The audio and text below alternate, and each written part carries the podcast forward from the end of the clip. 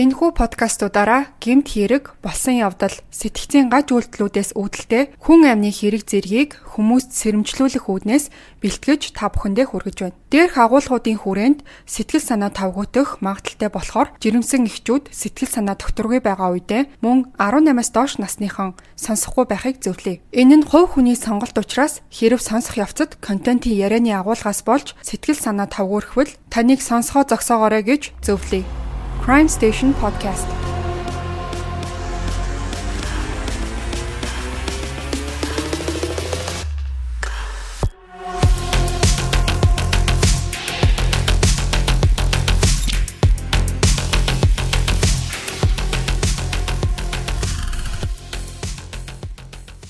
Сайн байцгаана уу сонсогчдоо. Энэ удаагийн подкаста ганцаараа бичгээ сууж байна. За тэгэхээр нэг хэрэг задлж ярилгүй хүмүүсийн одоо хамгийн туртай 3 болсон явдлыг ярьж өгөхөөр бэлдсэн байна. За зохиомл зүйлсээс илүүтэйгээр ер нь бодит болсон явдал бидний сонирхлыг бол илүү их татдаг. Тэгэхээр өнөөдрийн дугаараар магадгүй таны урд нь сонсч байгаагүй түүхүүдийг хуваалцсан гэдэгтээ бод итгэлтэй байна.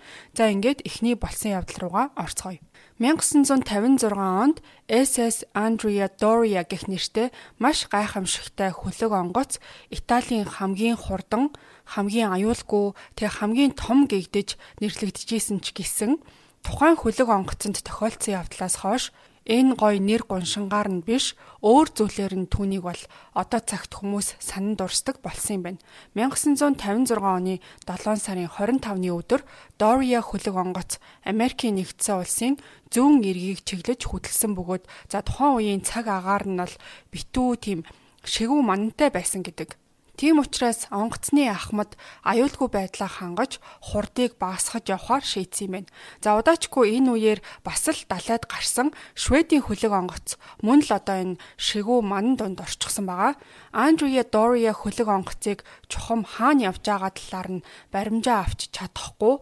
Энэ хоёр том авраг усан онгоцол үнэндээ өөрсдийн байршлаа радараар харж байгаа ч гэсэн аль аль нь радар дээр харагдж байгаа зүйлсийг буруу ойлгочихсон болсон байгаа.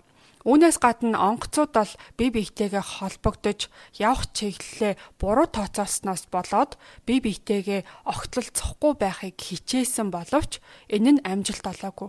Битүү манан дундаас хоёр хөлөг онгоц бие биенээ эцэст нь бол олж харсан ч гэсэн хөлөг онгоцны жолоог эргүүлээд хоорондоо мөргөлдөхгүй шийдэх цаг мөч хэдийнэ оройтсан байна гэдгээ ойлгосон байгаа. За удаачгүй хоёр хөлөг онгоц мөргөлтөхөд тунд өгөж орой 11 цаг 10 минутанд Шведийн хөлөг онгоц Андреа Дориагийн одоо яг хажуу талаас нь хошуугаараа мөргөж цөмлөөд за тэгээд цөмлөختөө дотгошоогоо бол 12 м гүн цолоод орсон юм байна. За энэ мөргөлтөөс олж Дориа гэх хөлөг онгоц дотор зорчиж явсан 46 хүн бол амиа алдаж Шведийн хөлөг онгоцноос мөн одоо 50 хүн нас барсан юм байна.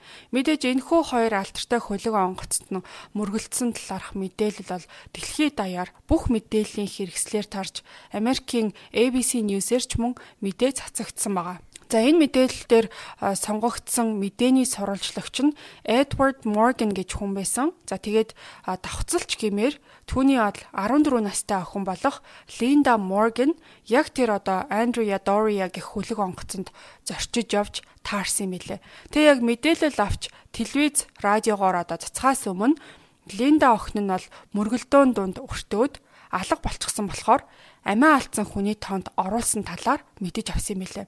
За сурвалжлагч Эдвардын хувьд төрсөн охиноо алдсан гэсэн мэдээг сонссон ч гэсэн ард иргэдэд хүргэх мэдээлэлдээ анхаарлаа хандуулад нэг ч одоо сэтгэл хөдлөлөө бол ил гаргалгүй маш тайвнаар тэг өөрийн охин нь одоо амиа алдсан талаар нэг ч удаа хэлэлгүйгээр бусад хөлөг онгоцноос авсан мэдээгээ хүргэжсэн гэдэг.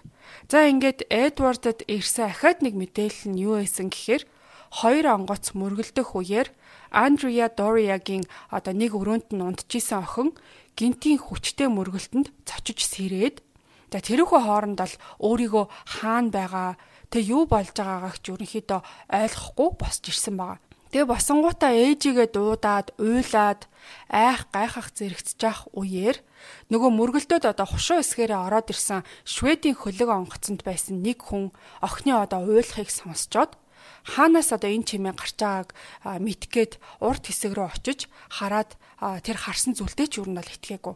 За хөлөг онгоцнууд мөргөлдөж эвдэрсэн хэсгийн нуман дээр нэг ор байсан. Тэгээ тэр орон дээр бараг л одоо ямар ч тийм бэртэл гимтэл аваагүй жоохон охин уйлаад байж байгааг нь харсан байгаа. За энэ охин нь 14 настай Линда Морган охин байж таарсан. Охиноо амьд гарсныг мэдсэн даруйдаал сурвалжлагч Эдвард Морган одоо баярлсандаа сэтгэлээ байрч дийлэхгүй охиныхоо түүхийг ярьж охин нь аврагдсан талаар олонд мэдээллийг нь дэлгэсэн мэлээ. Түүний охинд гайхамшиг тохиолдож амьдрах хувьтай байсан талаар ярьж авах үеэрээ яг үнэндээ ол анх мэдээллийг сонсоод охиноо амиа алдсан гэх үеэр өөрийнхөө одоо хайртай хүний алдах мэдрэмж хамгийн хэцүү байсан ч гэсэн ажил бол ажил гэсэн сэтгэлээр тэр бүхнээ нуухыг маш их хичээсэн гэж ярьсан байсан. Линда охин гараа хугалснаас бусдаар бол ямар нэг гимтэл аваагүй.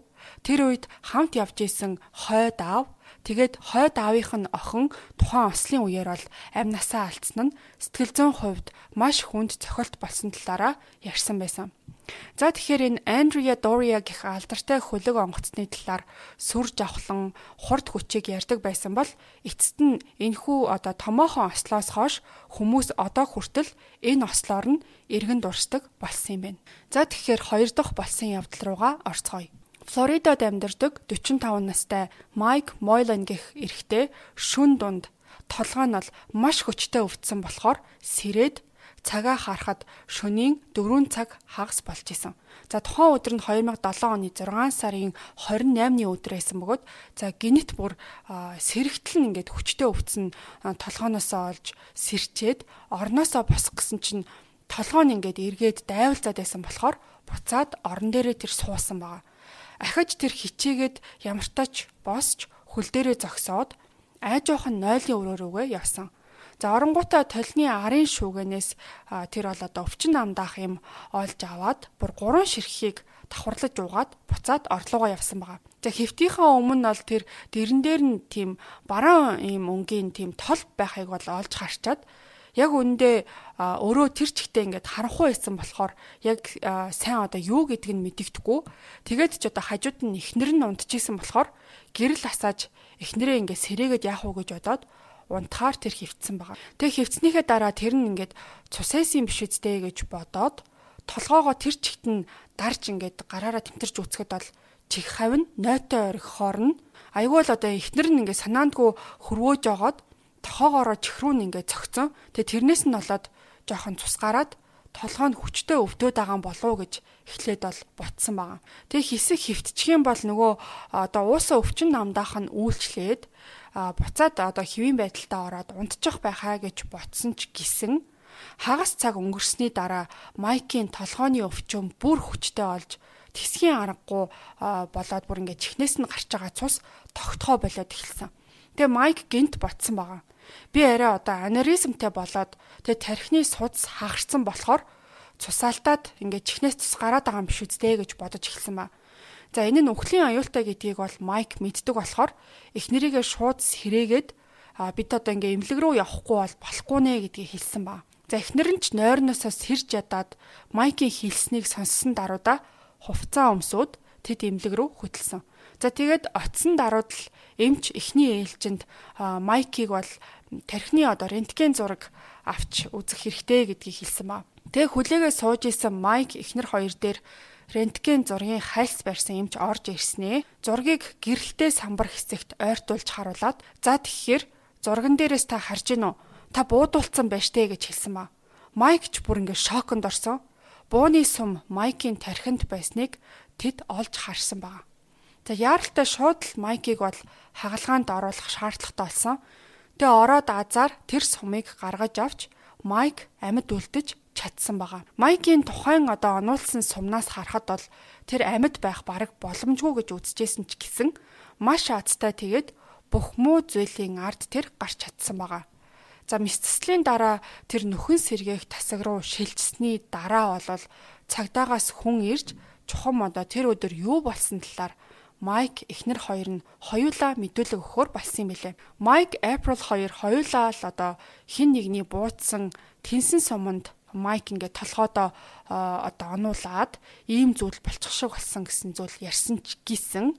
Априлийн одоо байгаа байдал тэрнээс гадна тухайн сум өөр гаднаас буудсан тэнсэн сум биш бүр маш ойроос буутсан гэдэг нь тодорхой байсныг цагдаа нар мэдсэн болохоор Майки ихнэр April аргагүй ирэхэнд бол хэрэгээ хүлээж тэр шүн нөхрийгөө алах гээд дэрэн доороо гарбуу хийчихсэн байсан гэдгээ хүлээн зөвшөөрч хэрэгээ илчилсэн юм байна.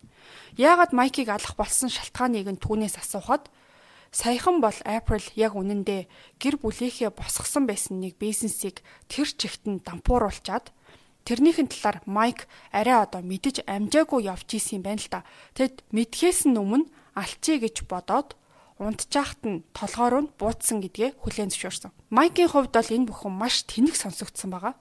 Тэгээ яг тэр шүн юу болсон талаар эргэж түүний санджаагаараа л их нэртэй ингээд толгоо нь өвдөөд байна. Эмнэлэг рүү бид явах шаардлагатай боллоо гэж хэлэхэд нь эхнэр нь босоод хувцаа өмсөхдөө тийм маш их удаан хүлээлгээд албаар ингээ бүр цаг сунгаад хөдөлж ядаад байсныг нь гинт сансан байгаа. Тэгээ машинд суугаад имлэг рүү явж байхад бас л одоо бүр яацын гимээр мөлхөж яваад байснаас нь харах юм бол Майкийг эмнэлэг хурч амжилгүй одоо уххийг нь хүлээгээд тэ удаан яваад байсан гэдгийг нь ойлгосон юм билээ. За Майкийн эхнэр хүн алхахыг завдсан хэрэгээр ял авч шоронд суусан ч гэсэн сууснасаа жилийн дараа батлан даалтаар соллогдсон юм байна. За тэгэхээр сүүлийн буюу 3 дахь болсон явдал руугаа орцгоё.